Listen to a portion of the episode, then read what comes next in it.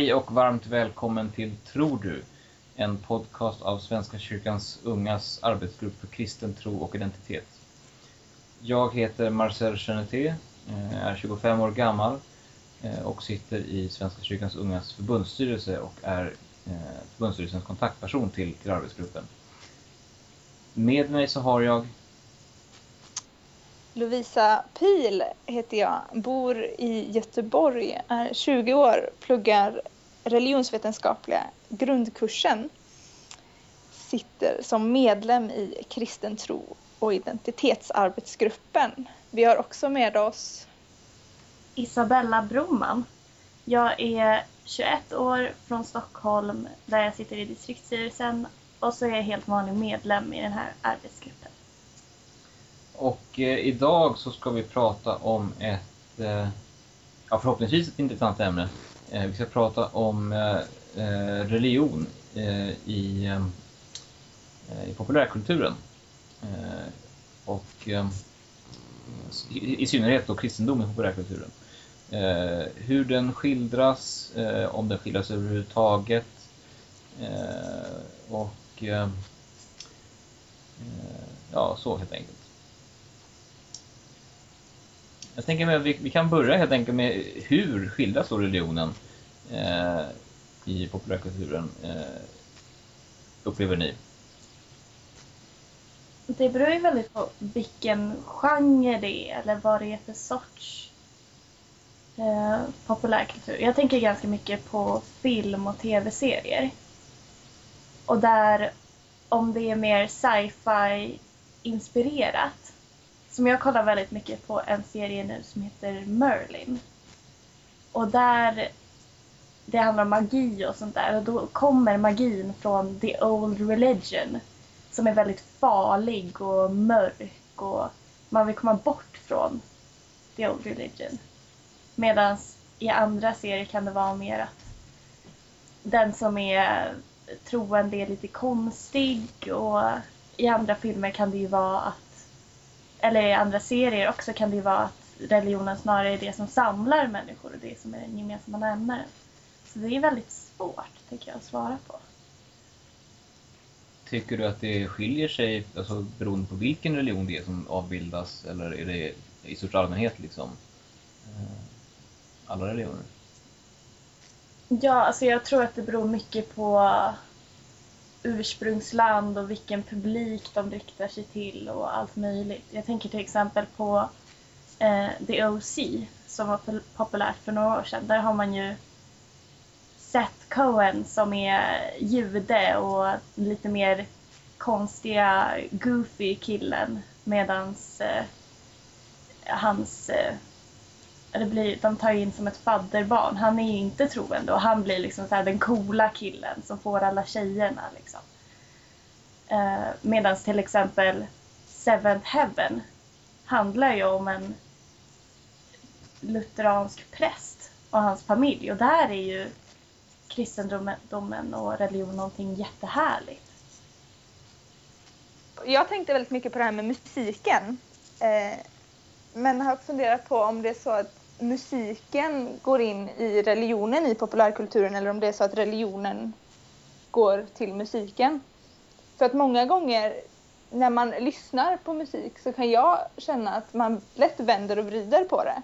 Och att många av mina kompisar som inte hänger i kyrkan också vänder och vrider på det till ett religionsperspektiv. Och att man skildrar religion väldigt mycket i musiken. Eh, tänker jag väldigt ofta på. Eh, och då tänker du musik som media, inte musik i sig film eller tv-serier utan musik? Nej, eh, musik överlag. I reklam, i, eh, ja, men, i, i media också men också i film kan jag tänka. Musikfilm också. Jättemycket. Har du några exempel på det?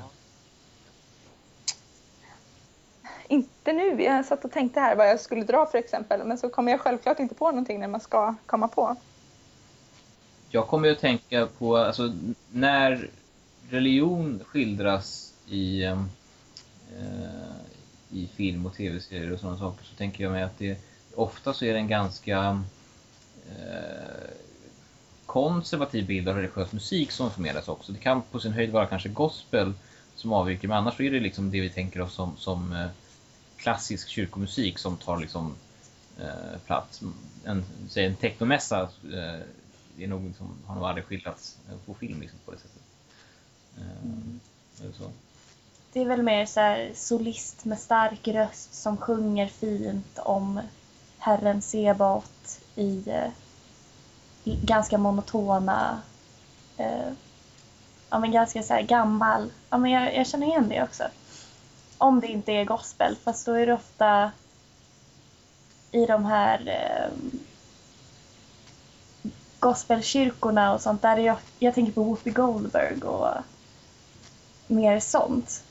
Um, att där är det mer att man sjunger ut och är glad och lycklig och det är lite så här den konstiga kristendomen också. Som den skildras i film i alla fall.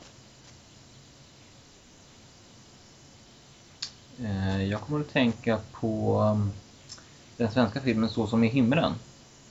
Mm. Eh, där musik och eh, tro ändå på något sätt. Det är en kyrkokör som tar huvud... Det säger jag som inte har sett filmen för eh, jag, jag, jag har inte sett hela i alla fall. Eh, det är en kyrkokör som, som det kretsar kring liksom, vad jag minns. Eh, och eh, där är då inte, ganska intimt eh, samband mellan religion och eh, tro och eh, musik. Mm.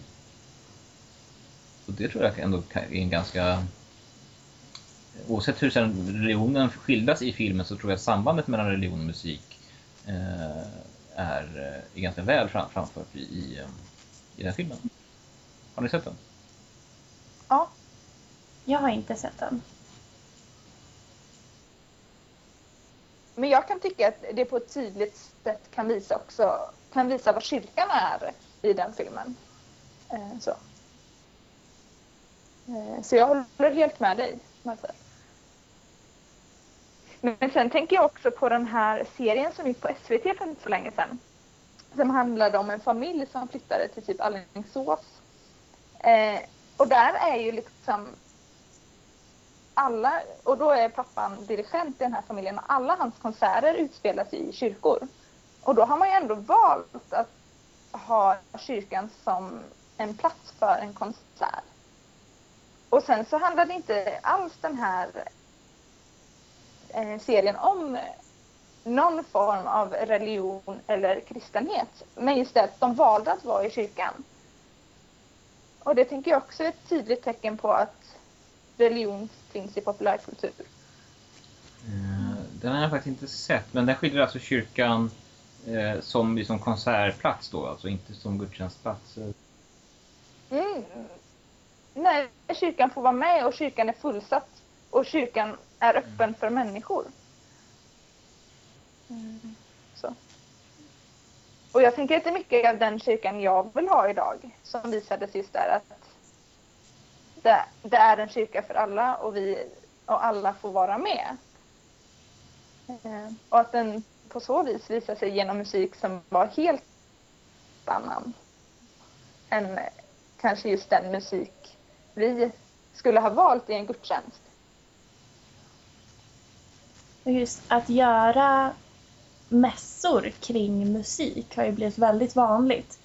Att eh, nästan alla har väl varit på en technomässa eller en mysteriemässa eller en rockmässa eller och att man tar avstamp i musiken och därefter bygger gudstjänsten. Så religion finns i populärkulturen men populärkulturen är också i allra högsta grad närvarande i religionen idag, i alla fall i Svenska kyrkan.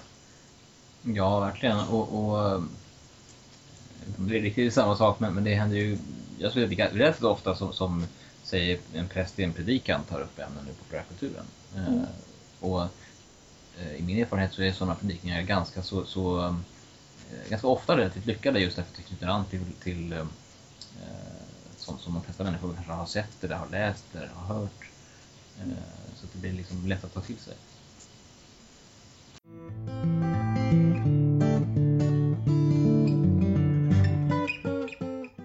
Eh, tror ni att en films ålder eh, har någon inverkan på hur religionen skildras i filmen? Eller i tv för den delen? Skildrades religion annorlunda för 50 år sedan än för 5 år sedan eller idag?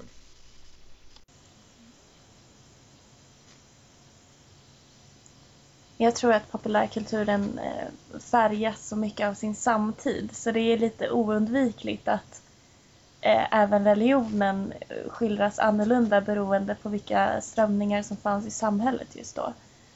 Till exempel när eh, riktigt gamla filmer kan jag tänka att religionen visas som väldigt strikt och att man eh, Eh, och att det är mycket så här, men gå i kyrkan på söndagar och att man ska bete sig på ett visst sätt och att eh,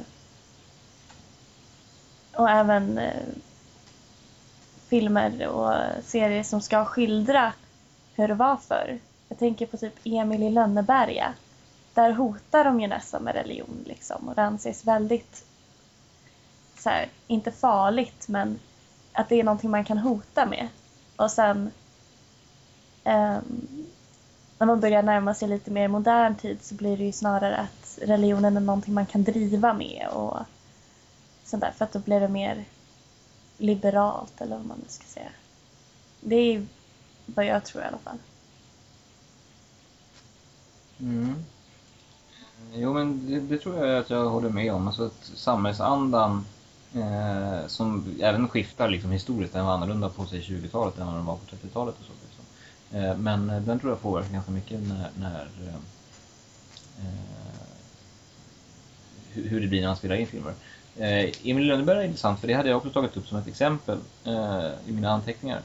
Eh, just därför att där skiljas eh, när religionen skildras där så är det, och det görs inte särskilt mycket, de åker till Julotta vill jag minnas.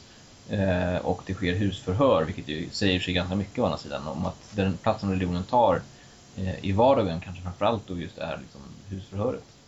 Eh, där prästen kommer och förhör eh, de som, som bor i Lönneberga liksom, på katekesen. Men det är ju inte, liksom, det, det är inte en det är en film som utspelar sig i en historisk tid men som inte är eh, historiskt, eh, eller film eller bok men som inte är i en särskild, i en särskild historisk eh, tid. Typ. Filmen är väl en 60-talsfilm tror jag. 60-70-tal kanske. Det blir också vår syn på hur religion var förr i tiden. Att då på 60-talet blev det ju då att ja, men, när Emil i Lönneberga utspelas då är det det att man går på julotta och man blir husförhörd och det är det som är religion då. Och det, och det är ju de exemplen vi drar idag fortfarande, tänker jag. För det kom jag på mig här om veckan att liksom fast så här var det ju förr för det har vi ju sett på film. Eh, men frågan är om det egentligen var så liksom. Ja men precis, populärkulturen är ju det som på något sätt som eh, för den som inte läser väldigt mycket akademisk litteratur, facklitteratur eller så, så blir populärkulturen det som, som berättar för en hur det var förr till exempel. Eh, och eh, definitivt hur det var förr vad det gäller liksom religionen och sånt. För det är någonting som jag tror att de flesta nog inte har jättebra koll på hur det faktiskt var förr.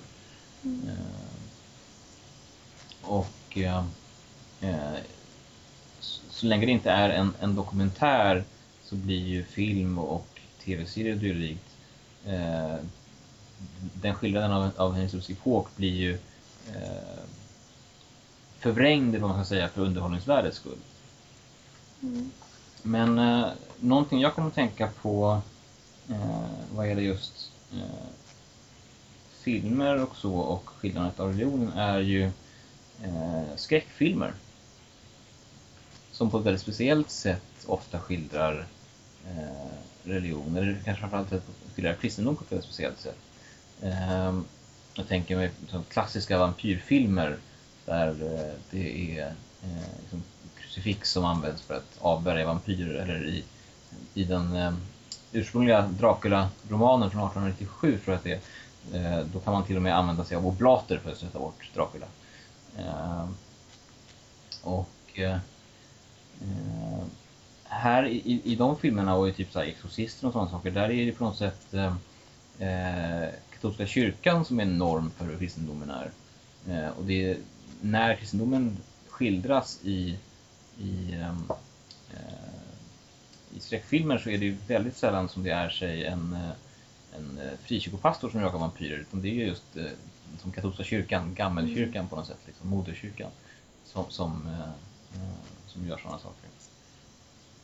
Är det någonting som jag har reflekterat över? eller? Men det är som, åh, är det Da Vinci-koden jag tänker på? Eller Änglar och Demoner kanske, när de till och med åker och ska hämta typ en italiensk pastor för att han är den enda som kan göra någonting. Det är inte en skräckfilm i och för sig, men det är någonting med det här med att det är bara moderkyrkan som har den här kraften att lösa mysterium och driva ut onda andar. Liksom. Eh, kan fortsätta på, på just Dracula-spåret så kan jag... Eh, ett exempel som är lite intressant är en film som kom ut för sådär 14 år sedan, som hette, precis vid millennieskiftet, som hette Dracula 2000. Eh, då, då, eh, det är inte allt för eh, originella konceptet med Dracula i modern i den moderna världen, i, i modern kontext. Liksom. Eh, så Dracula kommer tillbaka eh, och eh, Eh, naturligtvis så är det också i, i USA det utspelar sig. man flyger liksom över Atlanten. Eh, och eh, Eh, Dracula eh, visar sig i slutet av filmen, eh, va, han visar sig alltså vara eh, Judas. Judas Iskariot är Dracula helt enkelt. Det, det är liksom det som är anledningen till den här förbannelsen, vampyrförbannelsen som vilar över honom. Liksom. Eh, när han helt enkelt försökte eh, ta livet av sig i, i, eh, i ånger så, så, så dog han men fortsatte leva så att säga. Han var odöd, han fick inte, han, han fann aldrig ro så att säga. Eh, och eh, eh, den här filmen eh, var ingen vidare stor framgång eh, i, i biljettförsäljningar och så. Eh, men den fick ändå två, den, den har viss kultstatus så den fick ändå två eh, uppföljare på video. Eh, som jag tror den heter Dracula 2001 och Dracula 2002 eller någonting sånt. Eh, och där så, så skildras precis just detta. Där är det eh, just eh, katolska präster eh, och det finns en särskild, Vatikanen har någon slags särskild eh, institution eller myndighet som liksom sysslar med sådana här saker med exorcism och eh, eh vampyrjakt. Eh, eh, Och det här, då, då är det en präst som är, är särskilt eh, skicklig i eh, kampsport och eh, ja, eh, så han kan liksom slåss med vampyrerna. Eh, det tycker jag också är en intressant eh, eh, skildring av, religionen. För där blir det ju på något sätt att det är bara katolska kyrkan som har den här möjligheten att, att utföra det här på något sätt. Det är där som den eh, kyrkosynen är liksom, att det är det på något sätt som är den legitima kyrkan. Man, det finns liksom inte att en baptistpastor kan göra likadant utan eh, eller en luthersk pastor eller så. Utan det blir eh, katolska kyrkan med, med det man föreställer sig är katolska kyrkans ritualer och, och symbolism och sådana saker som är liksom den, den starka kyrkan. Och det är en väldigt, eh, det är en ganska märklig bild för jag tror inte att den riktigt finns någon annanstans än just i, liksom i skräckfilmerna och kanske i skräcklitteraturen. Eller har ni några, har ni några exempel på, på, på liknande? Alltså jag bara tänker så här, Mysteriet på Greveholm när de ska bort spökena ur slottet. Så är det det första, innan de tar upp vitlöken och vitpepparn och allt vad de nu har. Så är det just kors de kommer fram med och säger att det här ska få bort spökena liksom. Och tänker att det också är någon form Ja men det är också en skildring av att vi använder religionen för att den är stor och korset har makt. Eller min tanke blev ju direkt så. Mm. Jo, men alltså det är ju liksom eh, en av de vanligaste vampyrklyschorna så är det ju just eh, alltså att, att det religiösa har, har på något sätt makt över dem. Och det är ju även andra typer av liksom liknande väsen såsom spöken och liknande. Eh, och det är ju någonting som egentligen som från början eh, kommer ifrån, eh, från, ifrån mytologi och ifrån liksom folk... Eh, Folktro? folktro, tack. Eh, sånt som kommer från folktro.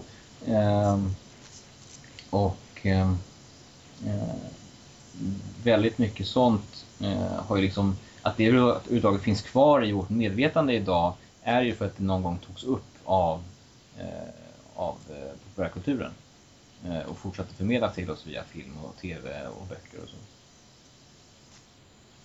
Jag tycker att det är jättehäftigt med så här, tron som superkraft. På något sätt blir det ju. Mm. Och jag tänker också på att det blir som att man laddar vissa föremål med den här superkraften. Lite grann som vi tänker oss att Jesus faktiskt finns i bröd och vin i nattvarden. Att, och därför tyckte jag att det lät fullt rimligt att man skulle kunna mota bort en vampyr med ett oblat. För det är ju som att ta Jesus i handen och säga att driv ut den här onda anden nu, som bara du kan. Uh, det är häftigt. Ja, det där skildras ju ganska olika också från, från, från populärkultur till, ett verk till, till annat. Eh, I just då som ursprungs Dracula, där kan i princip vem som helst hålla fram ett krucifix eller eh, en oblat eller dylikt. Eh, oavsett eh, personens egen tro. Men i andra lite mer modernare verk, jag tänker särskilt på eh, en bokserie av Laurel K. Hamilton som heter, som heter eh, Anita Blake. Som är en slags vampyr... Ehm, Eh, deckare ungefär. Som, den, den kom lite före True Blood-serien kom. Men eh, är ändå liknande grej. Vampyrer har liksom, eh, kommit ut i det öppna, de har rösträtt och såna grejer. Eh, I allmänna val och så. Eh, och eh, där så är det snarare så att det är personens tro som ger de här eh, föremålen den makt de har. Eh, och där går det ju naturligtvis lika bra för sig en, eh, eh, en hindu att hålla upp ett, Eh, en hinduisk religiös symbol som för en kristen. Eh, att hålla upp en kristen symbol. Men det avgörande är att personen som håller upp det tror på det. Det, det blir tron som, som, är, som ger styrkan, inte, eh, inte föremålet i sig. Så en ateist som försöker avvärja en vampyr med ett krucifix har inte en chans i världen. Och det tycker jag på något sätt är en ganska intressant, eller en, en trevlig bild eh, av just tron som det som ger styrka, inte att, att eh, makten ligger i, eller kraften ligger i just i föremålen eller så. Frågan är varför fokus skiftades då från att eh, om i de här vem som helst kunde driva bort en, eh, en ond ande med sin egen personliga tro till att det idag krävs en katolsk pastor för att driva bort samma onda ande. Om det är att, eh, att samhället tycker att medelsvensson inte är, inte är lika troende längre och att det därför krävs någon som dedikerar hela sitt liv åt Gud för att det ska kännas som att den tror på riktigt. Alltså, jag vill nog vara lite små, jag vet inte vad säga, småcynisk kanske. Eh, och, och, och, tänka mig att det inte egentligen så mycket finns någon tanke bakom detta utan att eh, regissörer och manusförfattare på något sätt bara eh, spinner vidare på liksom, de stereotyper som sakta men säkert har uppkommit liksom, i, mm. i populärkulturen. Eh, och spelar kanske på, på folks förväntningar också. Man förväntar sig kanske genom just Da Vinci-koden och, och Änglar och Demoner och eh, olika typer av Dracula-tolkningar att just eh, eh, den katolska prästen är liksom den lämpliga för, för, för, eh, för vampyrjagararbete. Men Buffy kan ju också jaga vampyrer liksom. Ja, just det. Och hon är bara en helt vanlig tonårstjej. Har inte ens någon religiös anknytning alls. Nej, hur är det där? Finns det någon slags, har, har, finns det någon slags eh, religion i Buffy? Eller alltså, har, har religiösa symbolen någon makt där över, över vampyrer? Det var så länge sedan jag såg den själv. Så. Det var ganska länge sedan jag såg det också, men det är väl lite... Lite kors. Eller det är mest det här med att man ska hugga dem i hjärtat. Och så finns det ju en väldigt klok bibliotekarie. Eh, jag har tappat namnet på Giles. Giles, ja. Han är ju i så fall överste pastorn i Buffy-universat. För han vet ju ofta exakt hur man ska göra. Ehm, men sen är ju den som alla serier att det blev ju alldeles för många säsonger. Eh, och konceptet tycker jag känns mer och mer ur, urvattnat för varje säsong man ser. Men från början så var det väl Buffy som den praktiska och Giles som hjärnan bakom. Eh, jag tänker att vi kan släppa just vampyrfokuset nu. Och, för jag har ett annat exempel som jag skulle vilja lyfta. Eh, och som jag tror att ganska många ändå eh, har koll på och kan, kan relatera till. Eh, Harry Potter. Eh, hur skildras religionen om överhuvudtaget i Harry Potter? Eh, I böckerna och i filmerna och så. Eh, min bild av religionen Harry Potter är ju att den är ganska så undangömd när den finns. Eh, Harry Potter har en gudfader, alltså är han döpt, men det framgår, det, för, det, det, utöver att han har en gudfader så, så nämns liksom inte något dop eller så. Eh, det finns bibelcitat som dyker upp på, eh, på gravstenar eh, i, i den sista boken. Eh, så det finns ju ändå någonstans, någon, någon slags religion i, i Harry Potter-universumet så att säga. Eh, de firar jul, men det är en ganska sekulär jul. Men jag skulle ändå säga att det, finns, det ändå i böcker på något sätt är ganska så, eh, så religiösa. Eller så kristna kanske snarare. Jag tänker på det här uttrycket hidden in plain sight. Att det nästan är som att det är så självklart att vissa delar av religionen är en del i ett liv att man inte riktigt kan utelämna dem även fast man skapar ett helt eget universum. För att det är ju egentligen jättekonstigt att en trollkarl skulle ha en gudfar. Men han har ju det ändå, för det är ju så självklart att man har det. Lite grann. Har du några tankar kring Harry Potter, Lovisa? Eh, nej, jag känner att vi är inne på det här spåret som är min gråzon för att jag är ju fruktansvärt dålig att titta på film. Eller tv-serier överlag. Så att jag tycker det är så spännande att bara höra att det framgår så mycket i film och tv-serier. Harry Potter är ju faktiskt böcker. Ja. uh. Men jag tycker att alltså, hon författaren, J.K. Rowling, eh, är ju...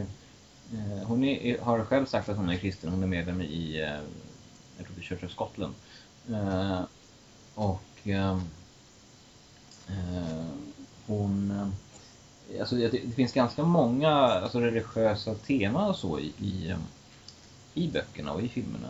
Eh, som kanske skildras i både och på något sätt. Jag har inte sett filmerna så mycket, men böckerna har jag läst desto mer. Eh, kan man säga att Harry Potter är liksom en, en Kristusgestalt eller en frälsargestalt på något sätt? Jag tror det.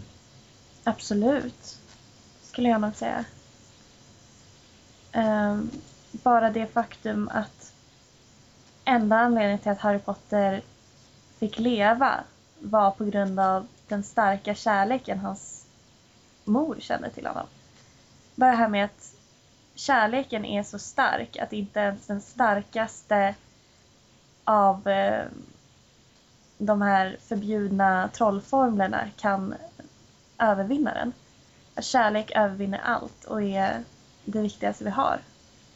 Um, och sen att familjen sätts så mycket i fokus. Um, och familjen är ofta en, en kärngrej man pratar när man pratar om religion. Um, det här med att du ska helga din mor och din far, det framgår ju väldigt, väldigt mycket i Harry Potter. Han är ju så fantastiskt stolt över sina föräldrar trots att han praktiskt taget aldrig har träffat dem. Och det är någonting han längtar efter genom hela filmen. Och det här med att han lyckas övervinna det onda gång på gång, kanske inte främst på grund av skicklighet fastän han har getts en fantastisk gåva. Fast framförallt för att han lyckas få så mycket hjälp av sina kompisar. Som står upp för honom mot allting annat. Struntar i om de kommer dö på kuppen. De vill ändå göra det för honom. Och hela, alla böckerna är ju bara så... Det är bara verkligen så här kärleksbudskapet rakt igenom. Och det är det som jag ofta tänker på när jag så upptäcker Gud i populärkulturen. Det är egentligen att jag har upptäckt någon form av kärleksbudskap. Och då tolkar jag det automatiskt till att det här måste handla om Gud egentligen. Eh, Jag kommer att tänka på i, alltså i femte Harry Potter-boken så får man reda på att det finns en, eh, en profetia eh, som är liksom anledningen till att eh, eh Voldemort och seriens eh, eh, främste eh, antagonist, eh, att han eh, då dödar Harry Potters föräldrar och försöker döda Harry Potter som barn. Eh, och det är ju då den här profetian som eh, bland annat säger att eh, då han som, som ska födas och som då visar sig vara Harry Potter eh, ska ha en, en kraft som, som eh, Voldemort inte har. Eh, och det visar sig sen också vara eh, någonting så enkelt som att eh, Harry Potter har eh, förmågan att känna kärlek. Eh, och hans, det som skiljer honom från Voldemort och det som ger, och det som ger honom hans styrka eh, är ju då kärleken och förmågan att älska. Men det sägs ju också i den profetian att båda kan inte leva. Eller hur? Att det måste sluta med att den ena dödar den andra. Ja, precis. Eh, nu har jag bara den engelska i huvudet. Neither can live while the other survives. Alltså, Mm. eh, medan, medan en av dem eh, lever så kan inte den andra leva. Mm. Det blir lite så här att välja mellan ljus eller mörker också. Kärlek eller hat. Det blir så väldigt tydligt när Voldemort och hans eh, dödsätare tar över Hogwarts. Att allt blir, det är som att de lägger på ett mörkare filter för kameran. Allt blir så dystert och mörkt och den kärlek och glädje som fanns där tidigare är som utplånad. Jo, precis. Och, och Vol- Voldemort är ju på något sätt en... Eh, eh, han, han är ju bara mörker, så att säga. Det finns liksom Mm. ing- ingen, eh, eh, ingen godhet eller så där. Så han, han är på något sätt ett... Eh, och man kan tala om eh, djävulen och helvetet som en, som, som en plats utan Gud, då är ju också Voldemort den typen av. Alltså, Mm. Om man ska göra en liknelse. Eh, Han dricker ju enhörningsblod. Hur mycket mer ond kan man bli? Ja, precis. Och det är också någonting som, som, eh, som eh, böckerna och filmerna säger, att det är ju liksom eh, bland det eh, ondaste man kan, eh, kan göra. Typ. Mm. För en enhörning är, är rakt igenom oskuldsfull eh, och god. Det är kanske ett budskap som är lite svårt att ta till sig i och med att vi inte har enhörningar. Ja, fast de allra flesta har väl på något sätt en bild av enhörningen som det eh, perfekta mytologiska djuret. Liksom. Hur många har inte ritat en enhörning någon gång? Liksom? Mm. Eller spelat ett spel som Robot Unicorn Attack.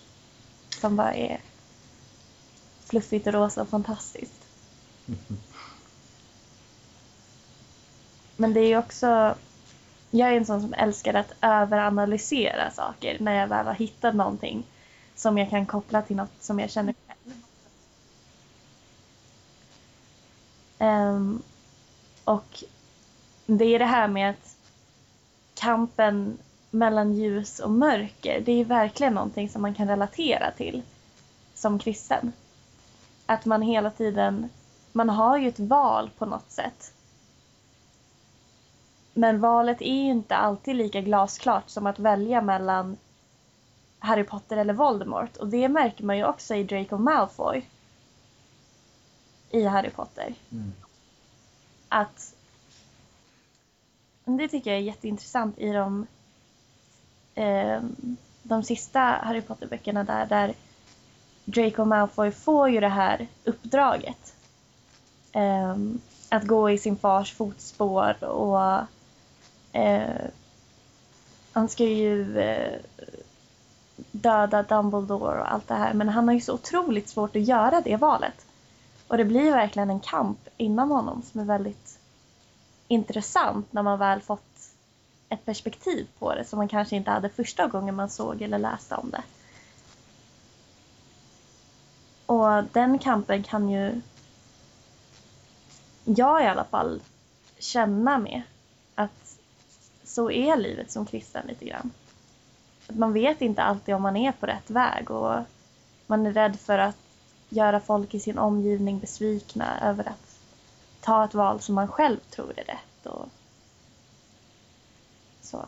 Han är nog inte så genom ond, den där Draco. Nej, alltså av, karaktärerna i, i böckerna så, så är det ju kanske framför allt, alltså då är det ju Voldemort som är genom ond så att säga. Mm. Och, han har ju liksom på något sätt eh, fjärmat sig från mänskligheten och gjort sig till, till um, mindre än mänsklig och på så vis också förlorat sin möjlighet till att vara någonting annat än, än rakt igenom ond. Medan övriga karaktärer som är mänskliga har väl ändå på något sätt den potentialen. Eh,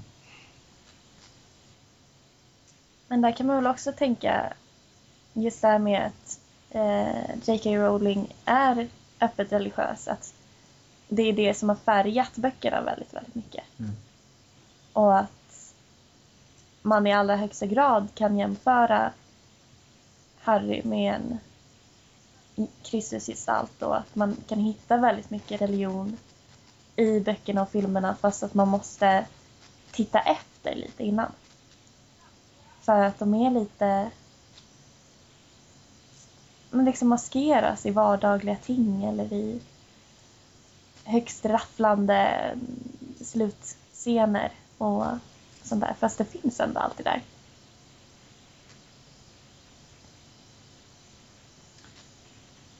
Och jag kommer att tänka på en, en serie som har fått kritik för att det inte är så eh, om säger, undangömt eller maskerat eller fördolt. Eh, har ni läst eller sett eh, Narnia? Nej. Nej. Eh, jag har inte läst alla böckerna och jag har bara sett första filmen. Men eh, jag vet ändå att Narnia är en serie som har fått ganska mycket kritik. Den är väldigt omtyckt kan man framförallt säga också, eh, både bland barn och vuxna. Eh, och eh, författaren C.S. Lewis eh, var inte bara en fantasyförfattare utan också en säga, amatörteolog och försvarare av den kristna tron. Och har skrivit många böcker med religiöst tema eh, och är också mycket uppskattad i många religiösa kretsar. Eh, och hans, eh, men hans vanliga böcker har fått väldigt mycket kritik från eh, framförallt ateistiskt håll eh, för att de eh, så att säga försöker eh, jag vet att någon har sagt att de försöker trycka på folk religionen eh, förklädd så att säga till fantasy där eh, det finns en ganska eh, det finns ett, ett lejon eh, i eh, serien som heter Aslan eh, och han är eh, då eh, lejonet som, som, som omnämns i titeln på första, eh, första boken, The Lion, the Witch and the Wardrobe. Eh, och eh, Eh, han är alltså medvetet tillkommen som eh, med, tanken hur skulle Kristus se ut om han eh, hur, hur skulle Kristus vara om han var eh, ett djur i en värld befolkad av talande djur? Eh, I princip, hur skulle Kristus se ut i, i en fantasyvärld? Eh, så där är, där är liksom, eh, det, det är på något sätt en, en medveten eh, allegori för kristendomen, Narnia-böckerna. Och det går, eh, eh, det går liksom igen i, eh, i ganska många delar av, av verket. Vilket också får mig att tänka på Sagan om ringen, vars författare Tolkien avskydde allegori. Men det finns ganska tydliga kristendomskopplingar i viss mån i böckerna. Frodo har ju till exempel, som då bär, eh, bär ringen för att förstöra den i Mount Doom, eh, har ofta jämförts med Jesus. Har ni läst eller sett Sagan om ringen? Mm. Jag har inte sett alla. Men någon har jag sett. Jag har sett två tror jag. Men jag tror att det är svårt som den där kritiken som Narnia fick. Det är ju, antingen så är man ju för religiös och försöker pracka på vanligt hedligt folk en tro.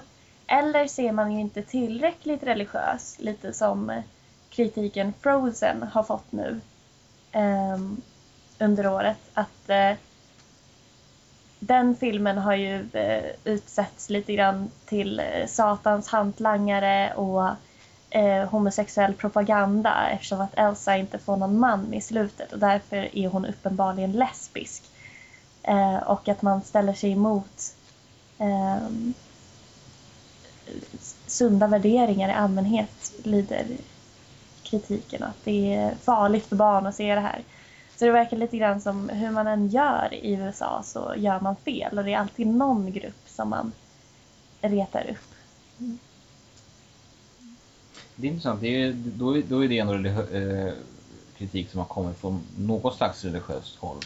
Ja, Eh, Men eh, jag tror nog att det är som du säger att, att eh, det går liksom inte att stryka alla grupperingar i USA medhårs utan att eh, man kommer göra sig fiender oavsett verkar det som ja verkligen. Och det visar ju också att religion engagerar. Oavsett om det anses vara för mycket eller för lite så är det alltid någon som kommer bli sur.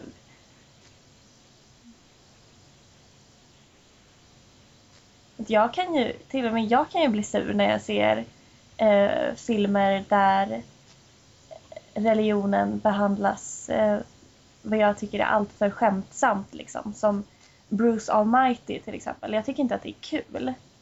Jag förstår verkligen inte tjusningen med den filmen. Medan det är massa annat som bara, åh det är så roligt. Bara, fast den driver ju med min gudsbild. Ja. Eller det här när filmen, boken skildrar religionen på fel sätt.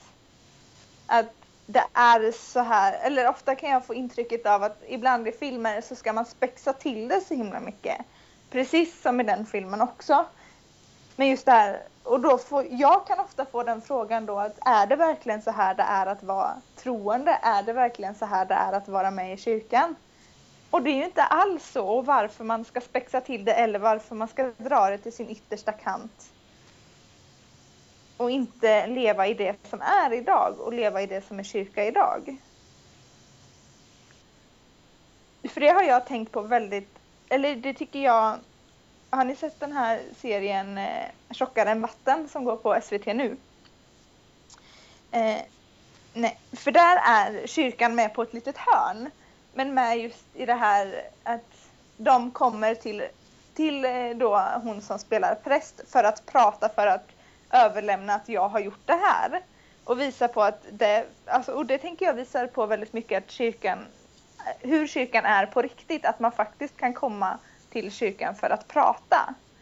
Medan jag såg en serie för inte alls så länge sedan där det var mer så här att där någon kom till prästen och sa visste helt plötsligt hela byn.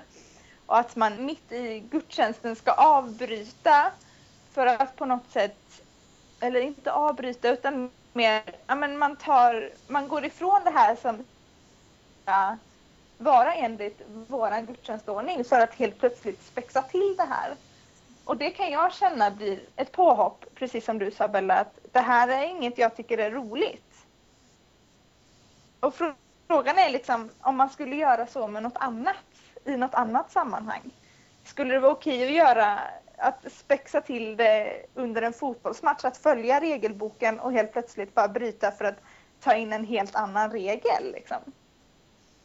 En serie där de spexade till det rejält med eh, Svenska kyrkan. Fast man ändå hörde en hel del eh, i alla fall av mina kompisar som är aktiva i kyrkan som blev jätteglada och tyckte att det var jättekul att det var igenkänningshumor på hög nivå. Det var ju halvvägs till himmelen. Det var den med Johan Glans va? Som, som, eh, som präst. Ja, precis. Eh, det här med att Johan Glans är en ung kille som kommer till en by mitt i ingenstans och ska ta över som kyrkoherde. Fastän det finns eh, en annan eh, präst där som också ville ha eh, tjänsten som kyrkoherde och att det blir en massa eh, förvecklingar, missförstånd och eh, konflikter. Att det blir bara så fel för den här stackars prästen och att han försöker han försöker förändra och göra gott men blir bara missförstådd och eh, känner sig motarbetad och sådär. Att man, jag, jag satt i alla fall och skrattade och tänkte att ah, men det är sådär det blir ibland. När man, alla vill ju så väl och så blir det så fel. Som det var någon som eh, det var någon tjuv av något slag som han eh, stängde in i ett förråd och det blev bara fel och man tyckte att det var så kul. Men samtidigt så är det ju lite grann så, ja de driver ju verkligen med Svenska kyrkan. Men det kändes som att det var lite mera gjort med kärlek. Och med tanke på att Johan Glans nu fick vara med i en film inför fastekampanjen så antar jag att Svenska kyrkan i stort tyckte att den serien var rolig. Ja. Har ni sett den eller? Ja, jag har sett och jag tänker väldigt mycket på det här. Eller alltså jag kan tänka tillbaka på den här serien väldigt mycket och känna igen mig väldigt mycket. Alltså bara härom veckan när jag hörde en jättediskussion eh, i kafferummet i en församling. Vilken diskussion det var kring vilka blommor som skulle stå på altaret. Och att den ena tyckte att det skulle vara någon viss blomma och någon annan tyckte en annan. Och det var ju ett typexempel i den här serien. När de stod där och skiftade om det skulle vara påskliljor eller vad det nu skulle vara. Och bara, fast vi sitter ju här och har samma diskussion. Och är det liksom, och då, för där så tänkte jag, när jag såg det i den filmen så tänkte jag så här att det här kommer ju aldrig hända på riktigt. Det här är ju liksom, det här är ja men det här är roligt tänkte jag. Men sen så då förra veckan så inser jag att det här händer på riktigt. Eh, så. Och tänker att den kanske inte är så långt från verkligheten som jag tänkte att den var från början. Jag har inte sett den. Jag har sett eh, fastekampanjsfilmen eh, med ärkebiskopen och med Johan Glans. Eh, men jag har inte sett tv-serien. Jag blev lite avskräckt just av att det var Eh, alltså dels att det var Johan Glans eh, som, som, eh, som jag inte är överdrivet förtjust i. Eh, och dels att det var just eh, det var humor och komedifokuset. Men jag, jag hade gärna sett säg, en, en dramaserie på, på det här ämnet. Alltså att det hade gjorts mer, mera kanske eh, seriöst. Eh, och det, det säger sig någonting mer kanske om min bild av, av, eh, av eh, svensk humor. Mm. Men det är väl det också att det är inte sådär jättemånga som skulle kolla på en dramaserie om Svenska kyrkan idag tror jag. Och man måste ju på något sätt, när det är populärkultur måste det väl eh, på något sätt locka den stora massan och inte bara de som är insyltade. Jag skulle också tycka att det var jättekul att se ja, men någon som ärligt försöker skildra Svenska kyrkan och dess eh, framgångar och bakslag och problem och eh, allt sånt och kanske, kanske till och med på ett så dokumentäraktigt vis att åka runt i församlingar i hela Sverige och sådär. Men jag tror att vi skulle vara ganska få som skulle kolla på det. Eh, jag kommer att tänka på en, eh, en tv-serie som gick i, ehm, i USA 1997 senast den. Den heter Nothing Sacred. Eh, och den utspelar sig i en, en liten församling i en, eller i en storstadsförsamling. Eh, I eh, en katolsk eh, kyrka. Och den var inte jättepopulär när den gick. Den hade ändå en ganska en hyfsat stor tittarbas och den har fått lite av en kultstatus i efterhand.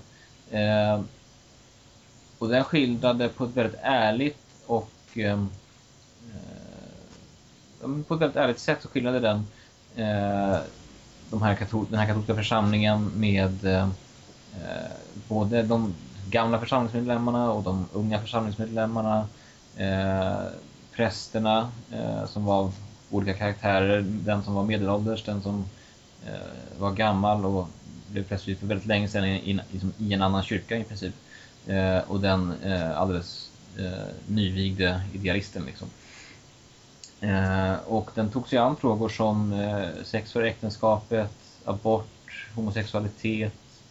Eh, och den vågade till och med röra just den här kanske mest kontroversiella frågan i kyrkan, vilket ju är de övergrepp som har skett av, av präster och andra i liksom, förtroendepositioner mot, mot framförallt barn och, och yngre. Eh, tyvärr så fick den väldigt mycket kritik från just eh, en viss, eh, eller en katolsk eh, lobbyorganisation som jag tror det heter The Catholic League. Eh, och ehm, eh, det resulterade i att den, ehm, jag tror det spelades in 20 avsnitt varav 16 sändes och de fyra eh, sista blev aldrig, blev aldrig sända och ehm, eh, tv-serien förnyades inte efter första säsongen.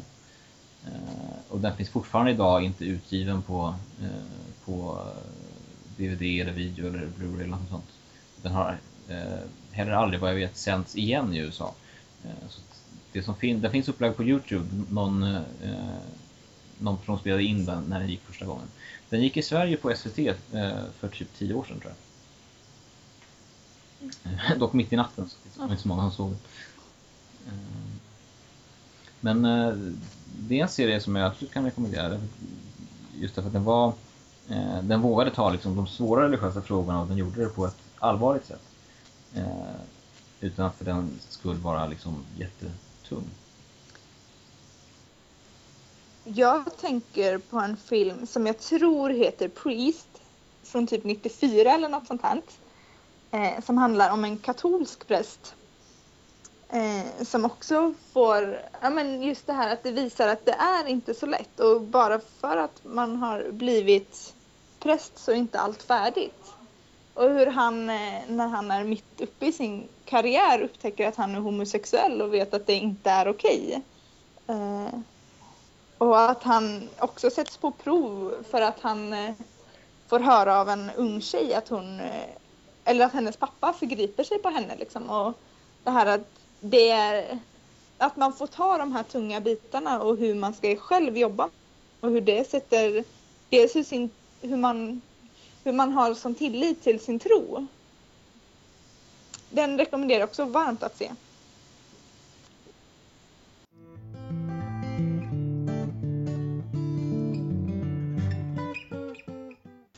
Och därmed så tar vi och sätter punkt för eh, det här avsnittet och den här diskussionen.